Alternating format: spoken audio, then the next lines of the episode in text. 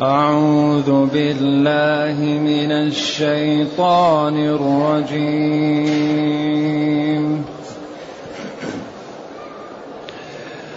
بسم الله الرحمن الرحيم.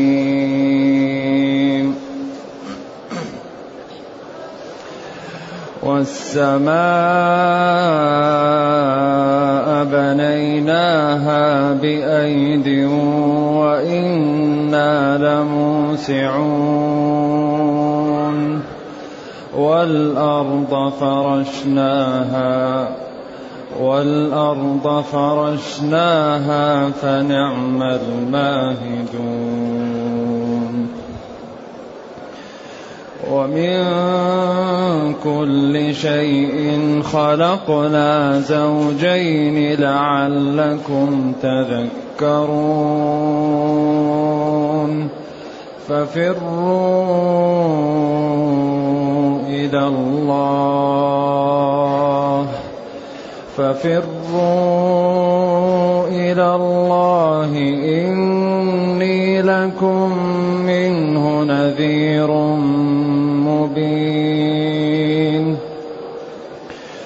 ولا تجعلوا مع الله إلها آخر.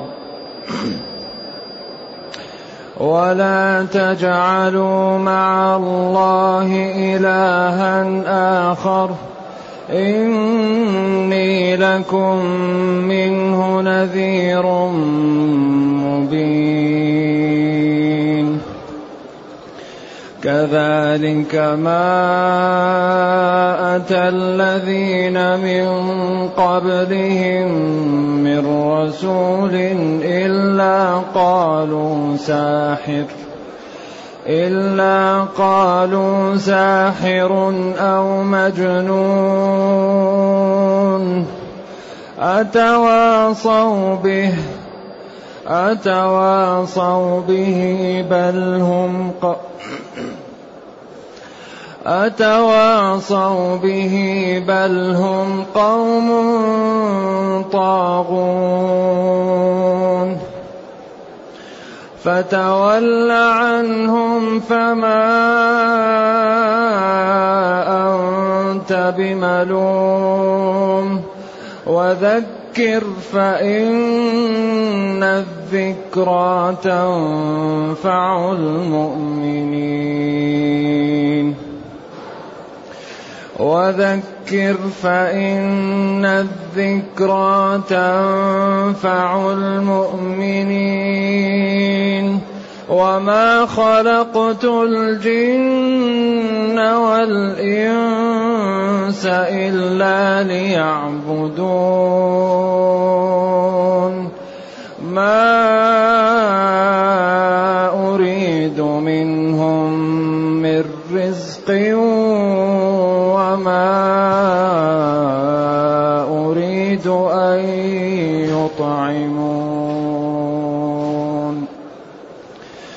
ما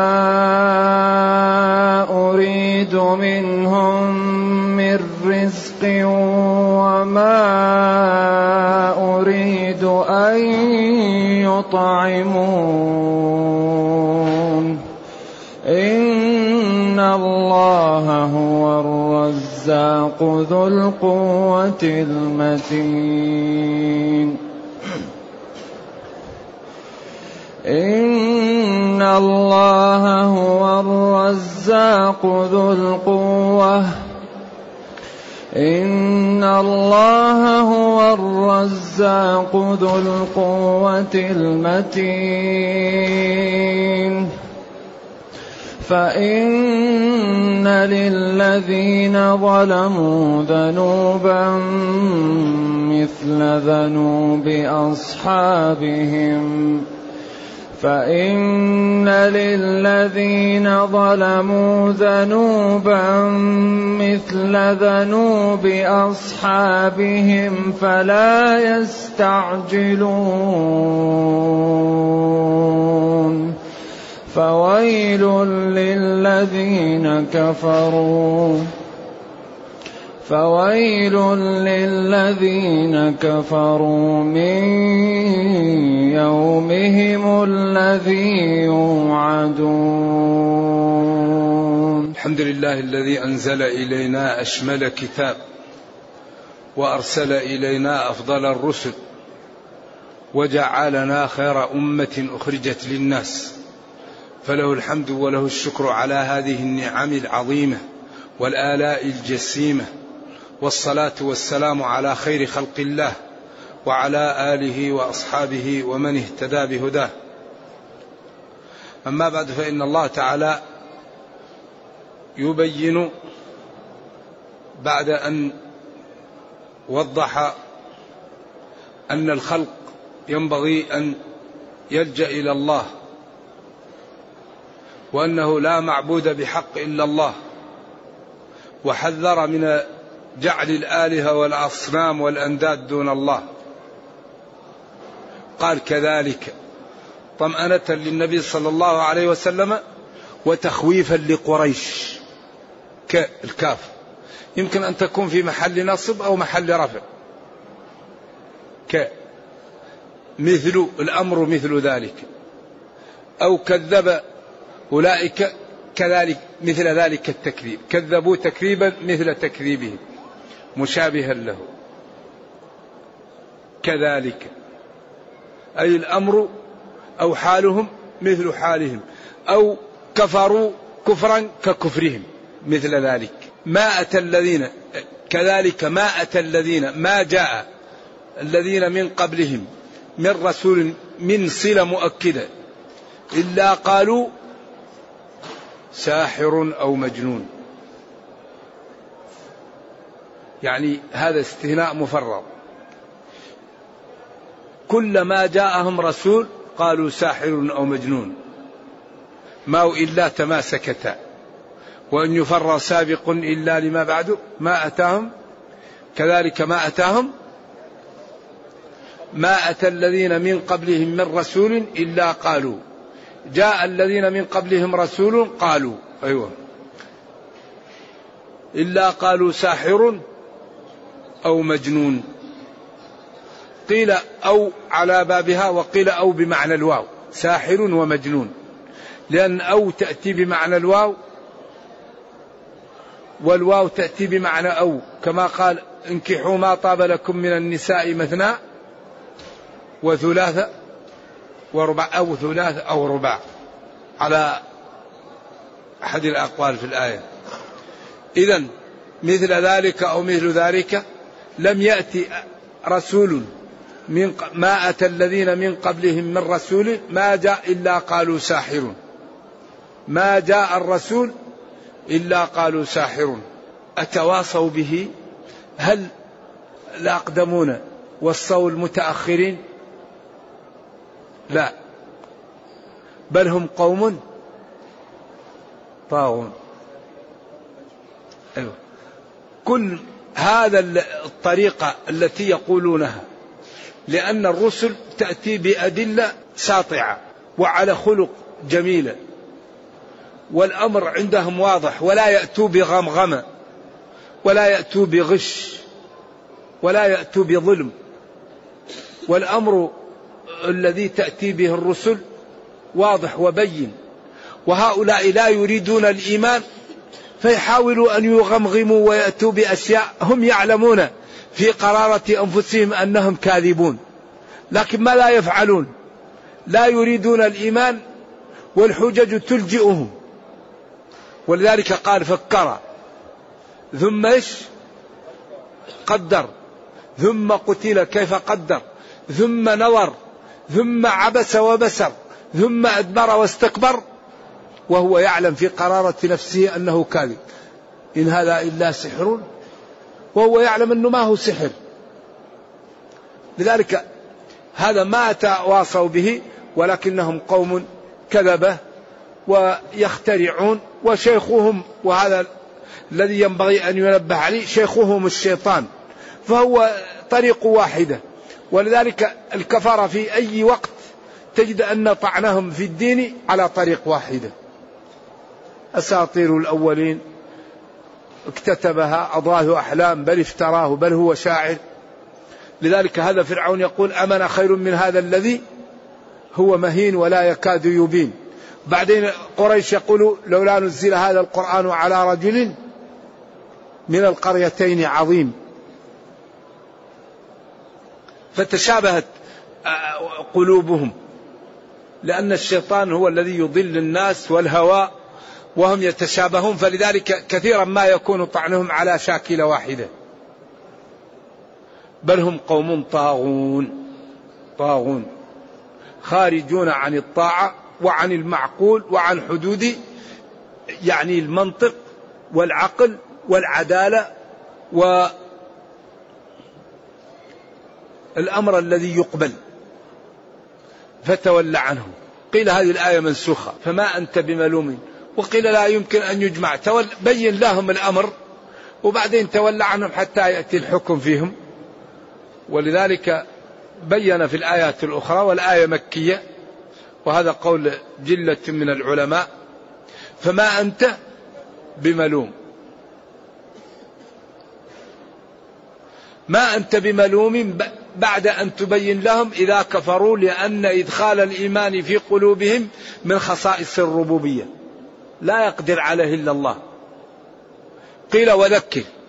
لما قال تولى عنهم خيف أن لا يفهم منها أنه يترك التذكير. فقال له ربه وذكر.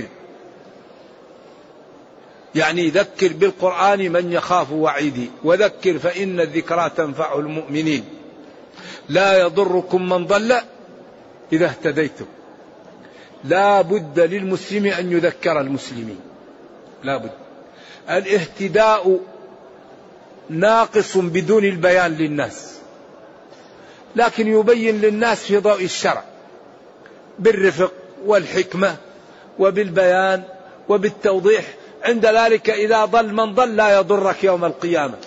أما إذا رأيت أخاك يقترف المعاصي ويترك الواجبات ولم تنبهه فيوشك أن يلببك عند قدم الصراط. ويقول يا ربي إن فلان رآني أقترف المعاصي ورآني أترك فعل الواجب ولم يأمرني ولم ينهني. يا رب انتقم لي من هذا. إذا لا يضركم ضلال من ضل. إذا اهتديتم أمرتم الناس بالمعروف ونهيتوهم عن المنكر. من رأى منكم منكرا فليغيره. شرط وجواب. ولذلك الدين يسر. فإن استطعت بيدك فلك. فإن لم تستطع فبلسانك. فإن لم تستطع فبقلبك وهذا لا يسامح في أحد. ولكن من رضي وتابع. لأن القلب لا يطلع عليه إلا الله. وذلك أضعف الإيمان. إذا ضعف إيمان الإنسان يغير المنكر بقلبه. أما إذا قوي إيمانه فيغيره بغير ذلك حسب قدرته وطاعته واستطاعته. إذا يقول تعالى وذكر يا نبي فإن الذكرى تنفع المؤمنين. ويفهم من مفهوم المخالفة أن غير المؤمنين من كتب لهم الشقاء وإذا ذكرتهم غضبوا. أحيانا يضربوك ويسبوك. فذكر إن نفعت الذكرى. إذا كان الإنسان يعلم أنه إذا ذكر لا ينفع أو تأتي مفسدة أعظم يترك.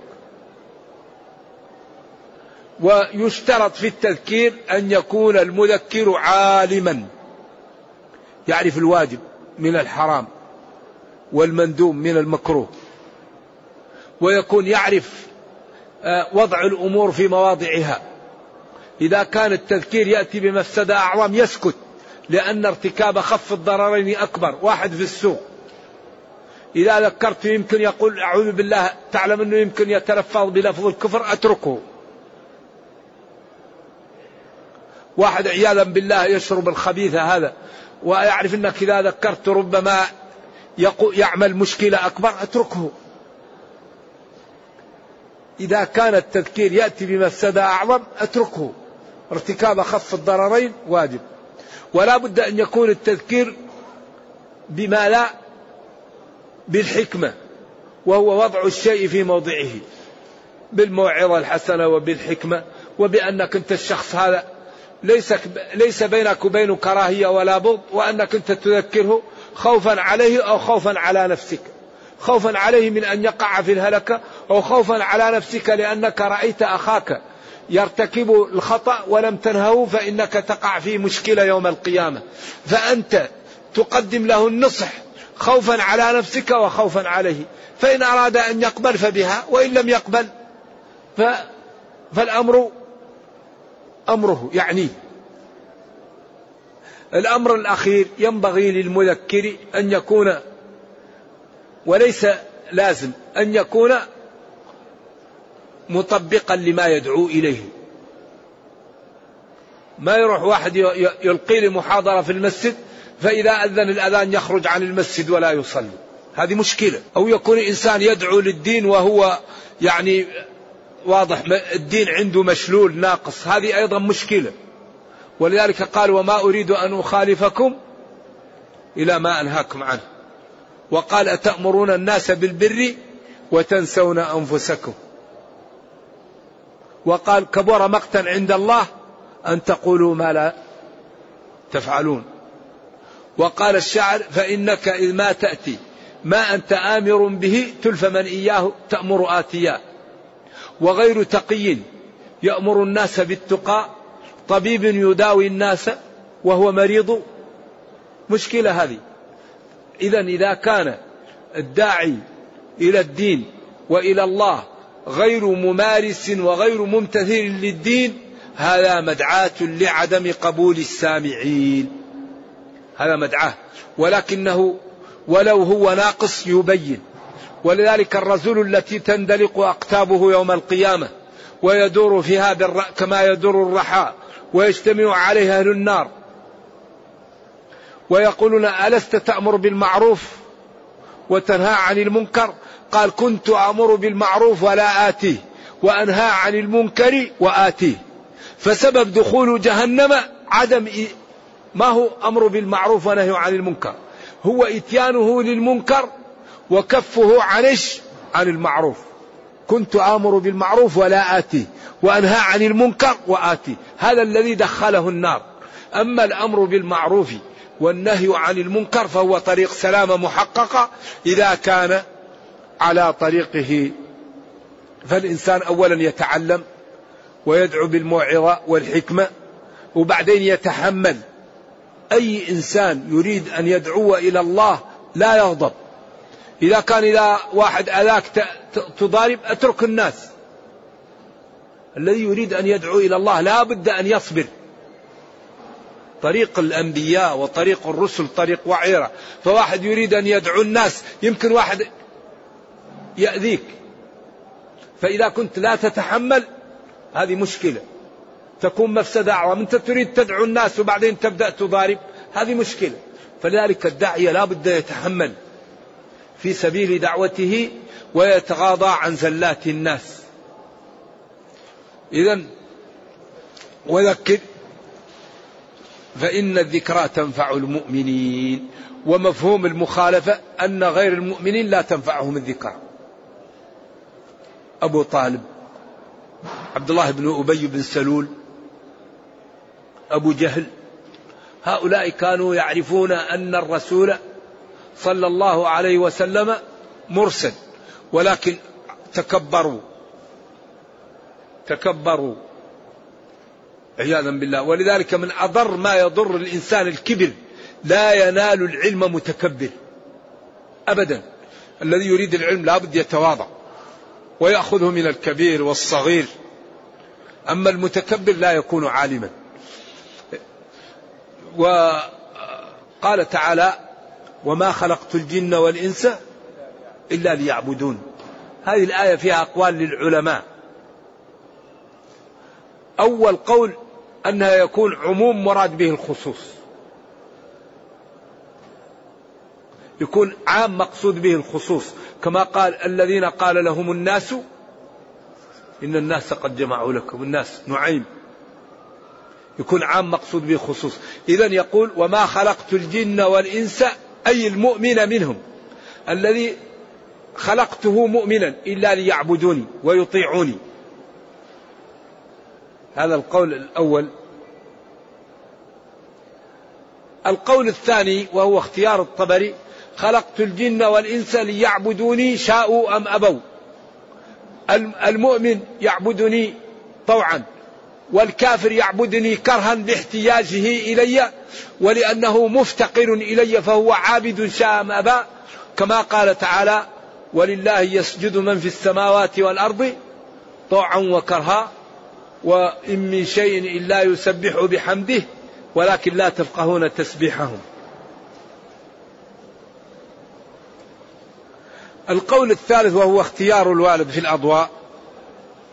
وما خلقت الجن والإنس إلا لآمرهم وأنهاهم. فيعبدني من قدرت له السعادة ويعصيني من قدرت عليه الشقاوة.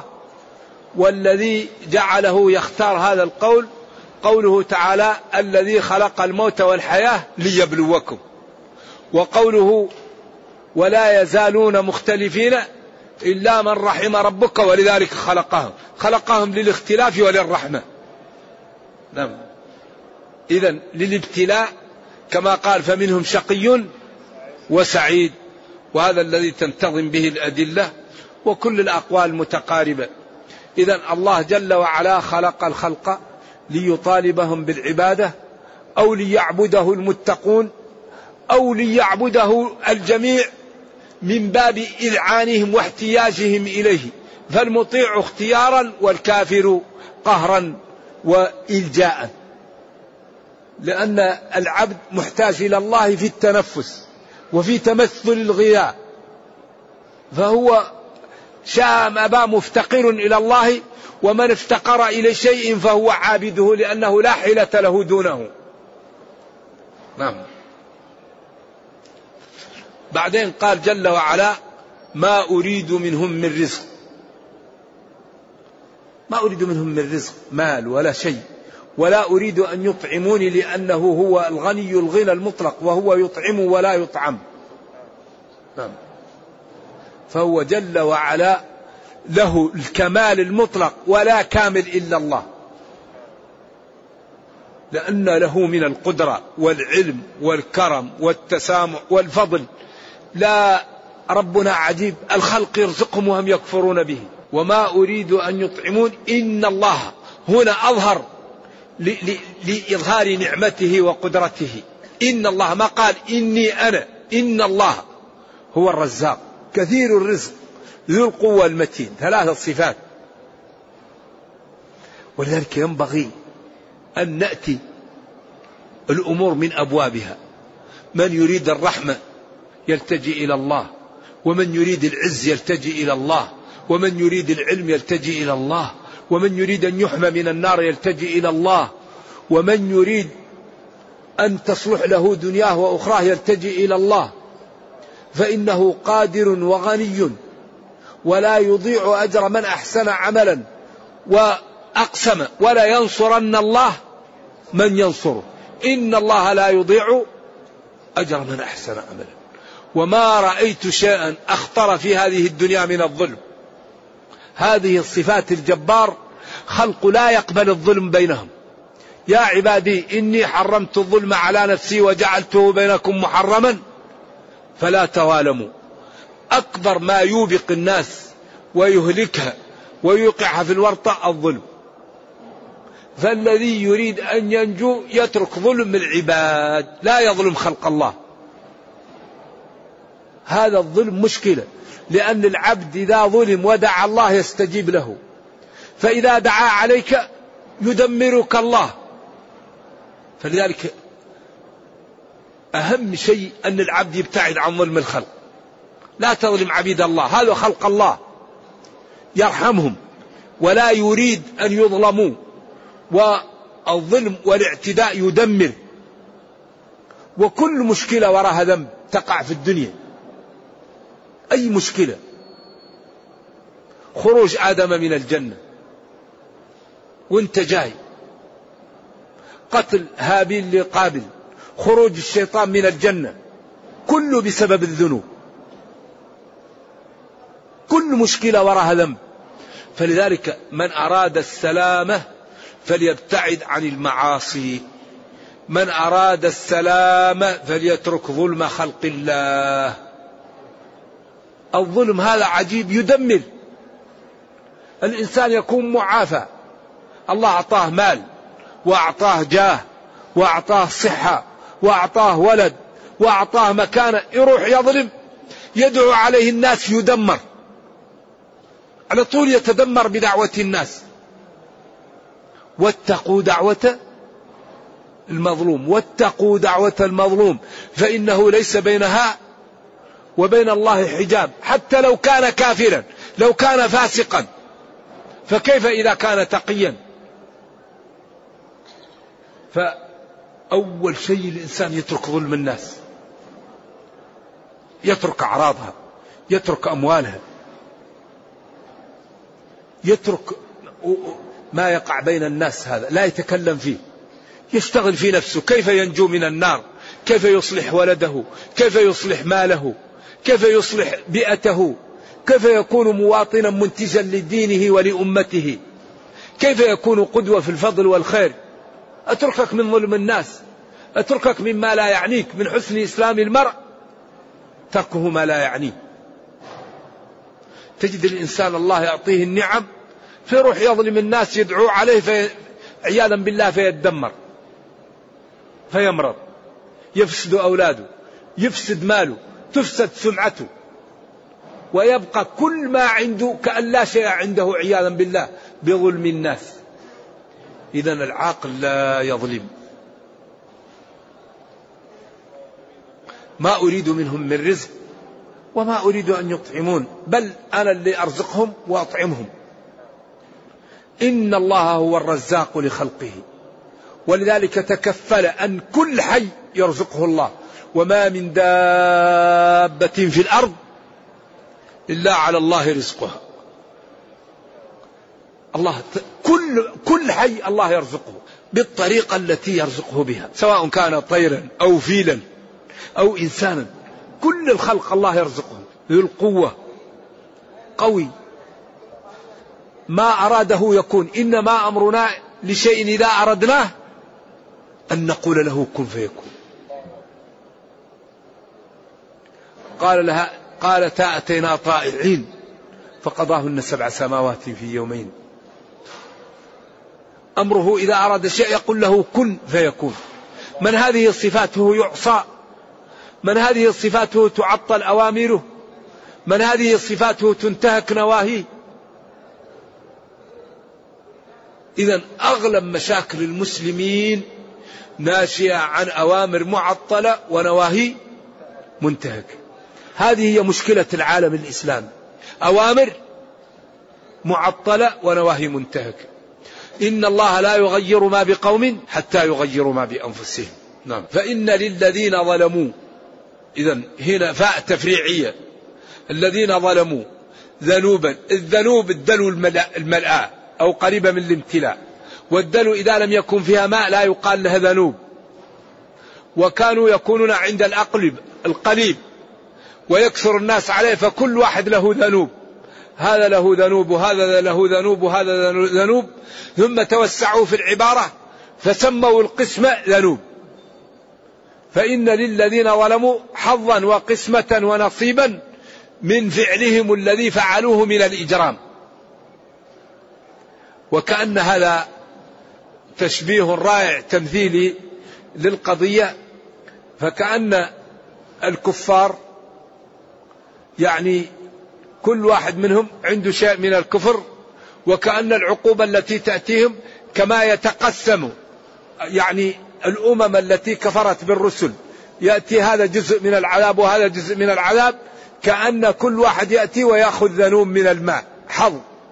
كما يأتي للماء ولذلك هم يفهمون الماء ويفهمون تقسيمه. فلما شبه لهم بالماء يفهموا القضية ويعلموا أن كل شريحة من الأمم التي جاءتها الرسل وكذبتها سينالها نصيبها من العذاب ومن العقوبة.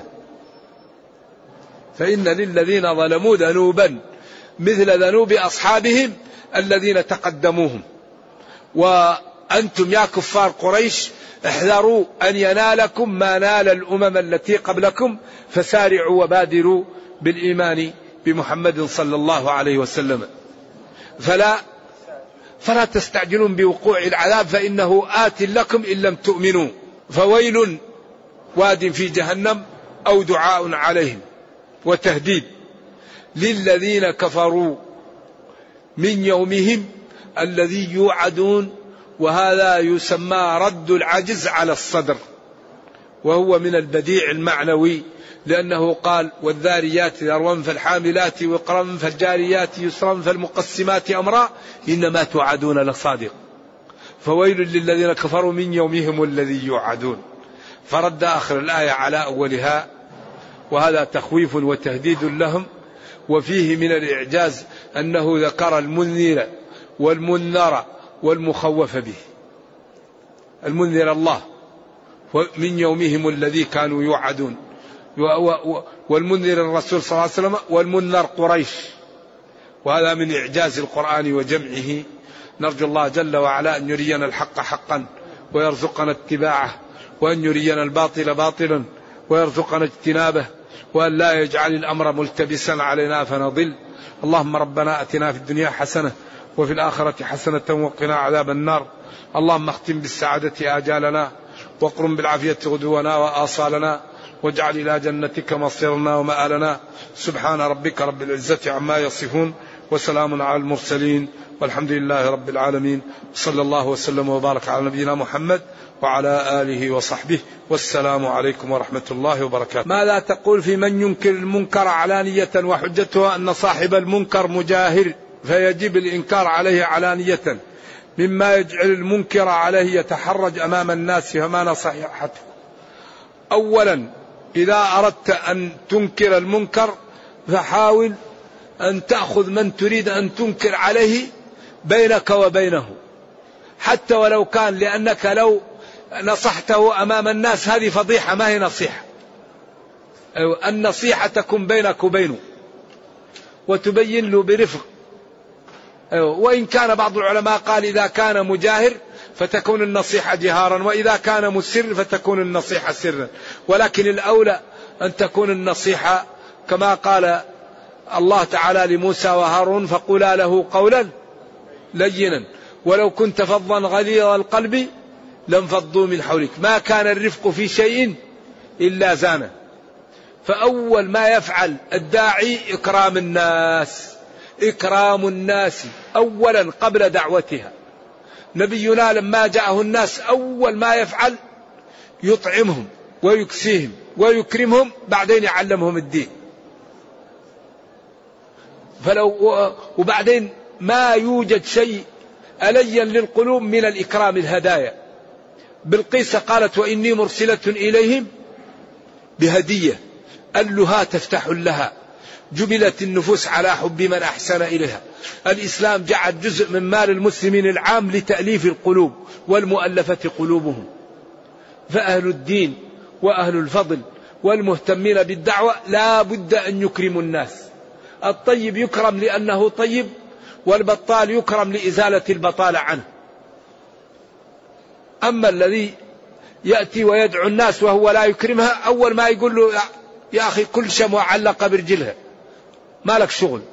لكن إذا أكرمته وكان جارك وقلت له صلي يقول لك حاضر تأمر. فأول ما يفعل المسلم إكرام الناس والرفق بها. بعدين خصوصا أنك لا تملك للناس شيء فتملك لها الإحسان والرفق وتفهيمها وأخذها بالإقناع.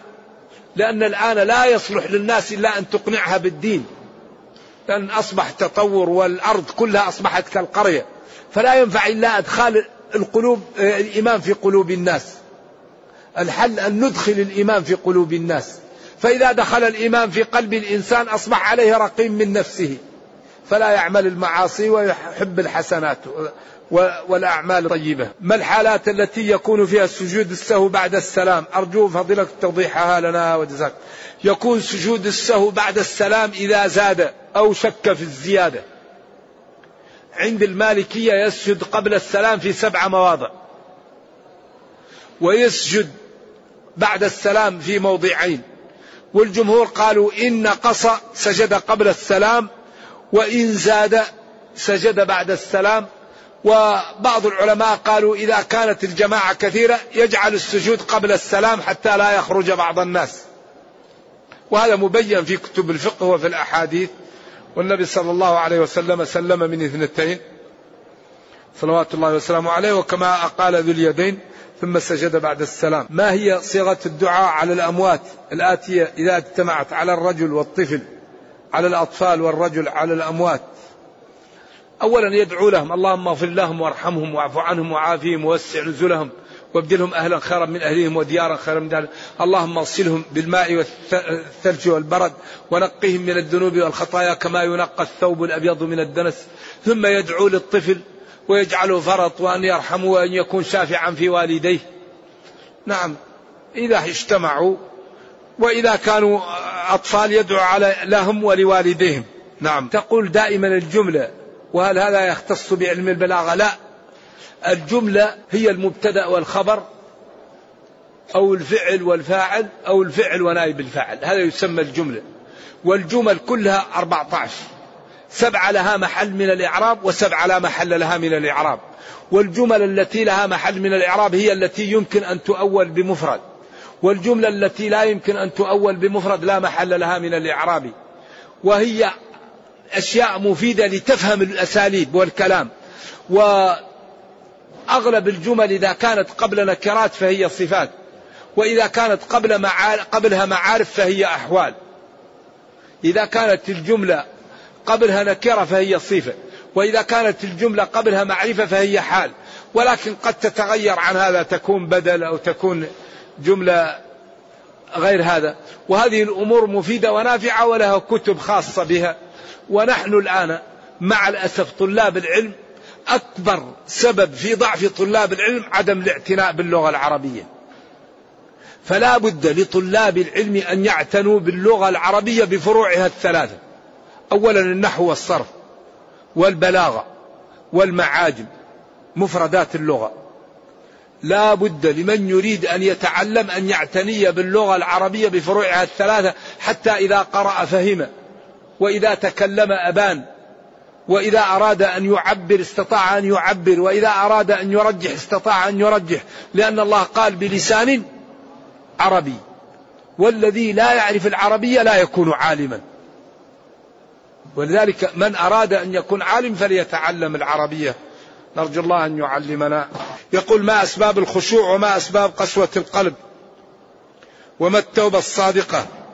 أسباب الخشوع هو الخوف من الله. ودوام الطاعات والبعد عن المعاصي حتى يسقى الإيمان ويمتلئ القلب من الإيمان فيخشى الله. إنما يخشى الله من عباده العلماء بما عند الله للمتقين العلماء بما عند الله للمجرمين. عطاء غير مجذوذ كلما خبت زدناهم سعيرا. وأسباب قسوة القلب أكل الحرام الوقوع في الغيبة. الوقوع في الربا عدم المبالاة عقوق الوالدين أذية الجيران أسباب قسوة القلب المعاصي معصية زايد معصية زايد معصية تجعل القلب أسود ويروح صاحبها في في أكبر مشكلة. ولذلك السيئات تدعو للسيئات. فأكبر أسباب قسوة القلوب أكل الحرام. أكل الحرام. أطم مطعمك. تستجبش دعوتك. فالإنسان يبتعد عن أكل الحرام يبتعد عن قول الحرام يبتعد عن النظر للحرام يبتعد عن سماع الحرام يبتعد عن المشي للحرام يبتعد عن أن يمس بيده حرام أن يضع في, في بطنه حرام أن يغسل فرجه على حرام. فإذا كان لا يعمل الحرام امتلأ القلب من الإيمان فإذا سأل الله أعطاه. وإذا أمره نفذ. ويكون من عباد الله الصالحين ومن كان من عباد الله الصالحين إذا عاداه شخص دمره الله. من عادى لي وليا فقد آذنته بالحرب. لذلك أولياء الله لا سبيل للخلق عليهم. لو جاءهم أهل الأرض يريدون أذيتهم الله يدفع عنهم.